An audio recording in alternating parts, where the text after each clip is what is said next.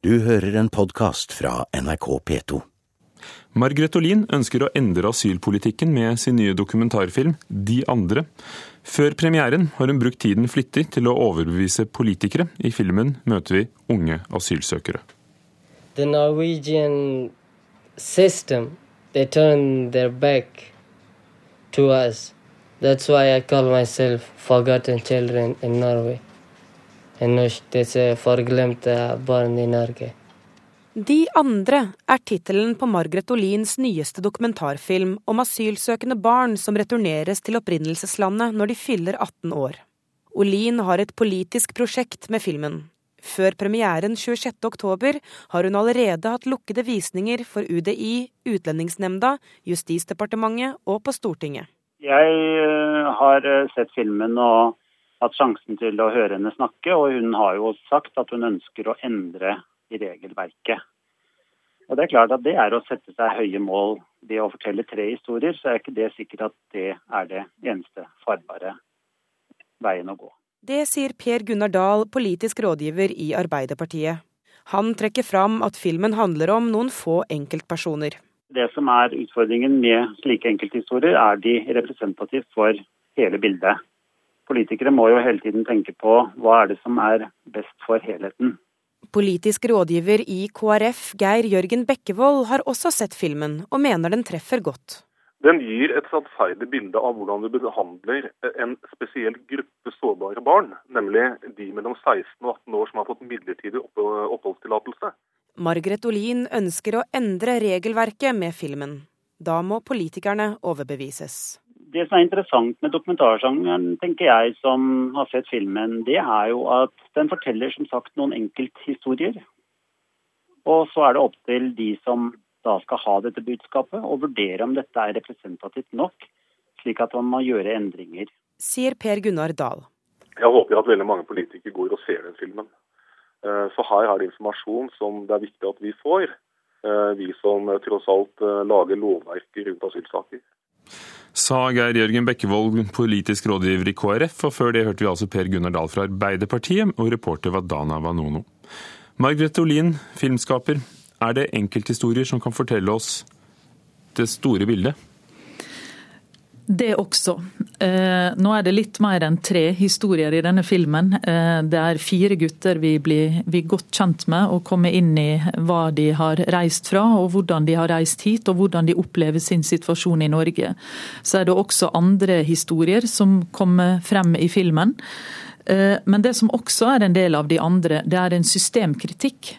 Og det er den systemkritikken som er interessant, mest interessant i forhold til det å gå inn og se på om vi har gode nok ordninger for å ta vare på en svært eh, sårbar gruppe unge mennesker som er i Norge. Hvordan er filmen blitt til?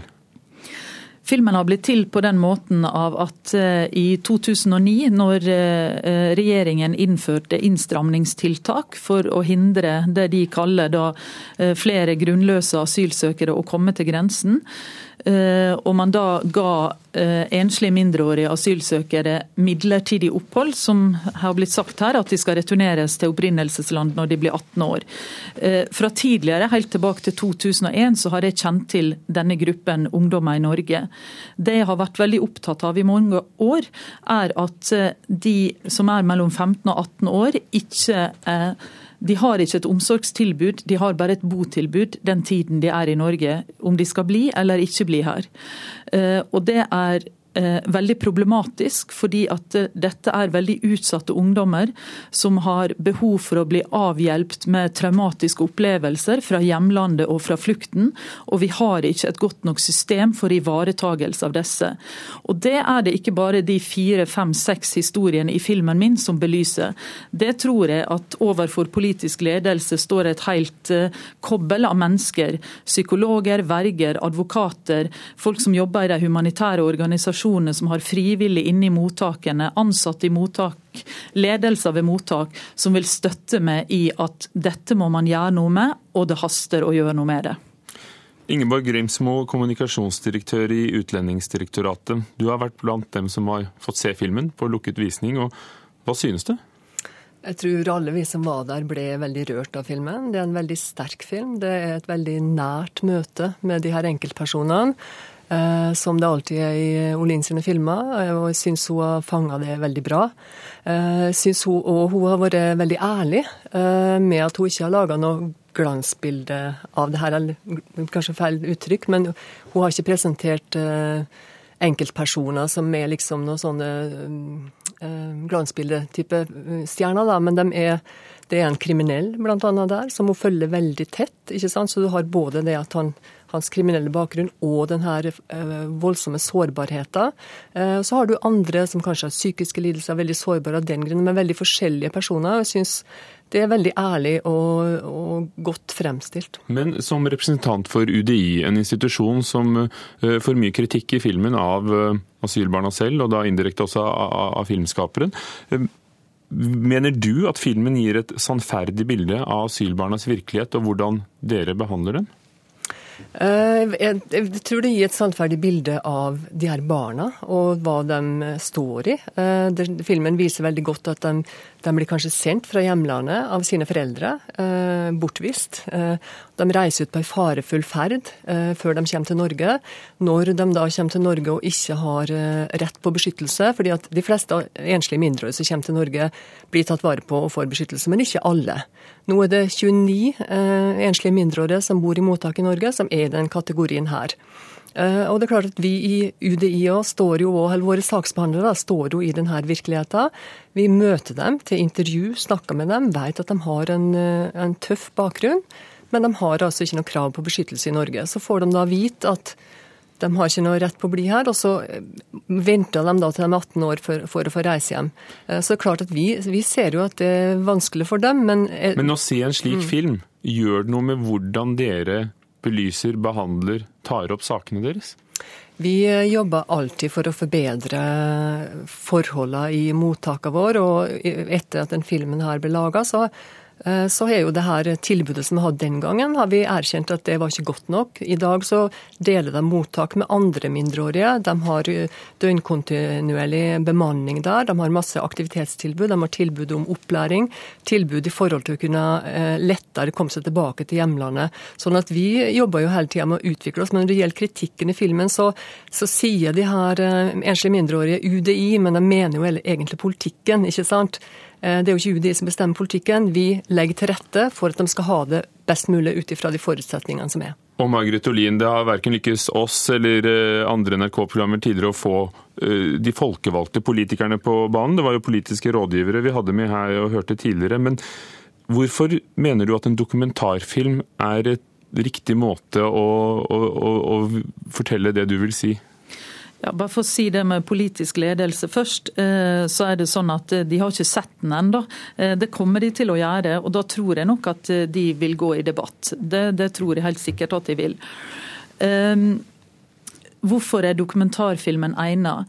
Det denne filmen gjør, det er at den løfter frem noen stemmer og en del av norsk virkelighet som er skjult for de fleste av oss. Eh, disse ungdommene har eh, lite kontakt med det norske samfunnet. De sitter ganske isolert. Eh, de sitter med sine katastrofeopplevelser og hemmeligheter ganske så alene. Og det er viktig for oss i forhold til hvordan vi, hver og enkelt av oss, forholder oss til de menneskene som kommer til Norge, og få et mer innblikk i deres liv og, og, og situasjon. Ehm, jeg har jo hele veien hatt en ganske nær kontakt med UDI eh, når jeg har vært på Salhus og filma, og det har vært en veldig god kontakt. Og det at jeg kommer så nært disse ungdommene, og det er 20 som jeg har fulgt veldig nært av 149 som nå har fått eh, disse midlertidige tillatelsene gjennom de siste to og et halvt årene. Og det å da eh, få deres opplevelse av hva de opplever er vanskelig i møte med systemet, så føler jeg et stort ansvar for å formidle det bak, tilbake på en skikkelig måte til UDI og UNE. Og der har jeg opp opplevd en lydhørhet i forhold til de tingene. Men samtidig får ikke vi som publikum, i motsetning til f.eks. hva som kreves i journalistikken, eh, vite hva ledelsen på, på mottaket på Salhus mener om å bli anklaget for feilmedisinering eller ansvar for at, at han ene ikke kan gå eh, og fått den behandlingen han skulle. Eller vi får heller ikke høre UDI. Hvorfor vil du ikke vise oss hva de vil ha å si? Fordi at Jeg opplever det sånn at når det kommer til asylpolitikken, så er det alltid de andre stemmene vi hører. Det er politisk ledelse, og det er de menneskene som har makt i samfunnet eh, som uttaler seg. Denne gangen så er det ungdommenes opplevelser. Eh, og det er deres fortellinger, deres, deres historier. Du er på Bergen internasjonale filmfestival i dag og snakker nettopp om dokumentarfilmen. Tror du nettopp det er dokumentarfilmens rolle å overta der, der andre medier kommer til kort? Ja, altså Det er jo ikke sånn at alle andre medier kommer til kort, men det som er klart eh, når man jobber innenfor dokumentarsjangeren sånn som jeg gjør, så eh, det å sette av tre år til å gå inn i dybden, det å følge disse menneskene over så lang tid eh, over at de blir 18. Hva skjer med de videre? Følger noen ut på flukt? Det er et veldig krevende stykke arbeid eh, i forhold til ressurser. Og det er det ikke så mange redaksjoner som eh, kan gjøre. Eh, men, men jeg kan gjøre det, og da har jeg valgt å gjøre det. Og jeg har valgt å løfte frem deres historie denne gangen. Og jeg tror at det er veldig viktig at vi låner øre til hva de har å melde tilbake. Margrethe Olin, regissør bak de andre. Takk til deg, og takk også til Ingeborg Ringsmo, kommunikasjonsdirektør i UDI. Du har hørt en podkast fra NRK P2.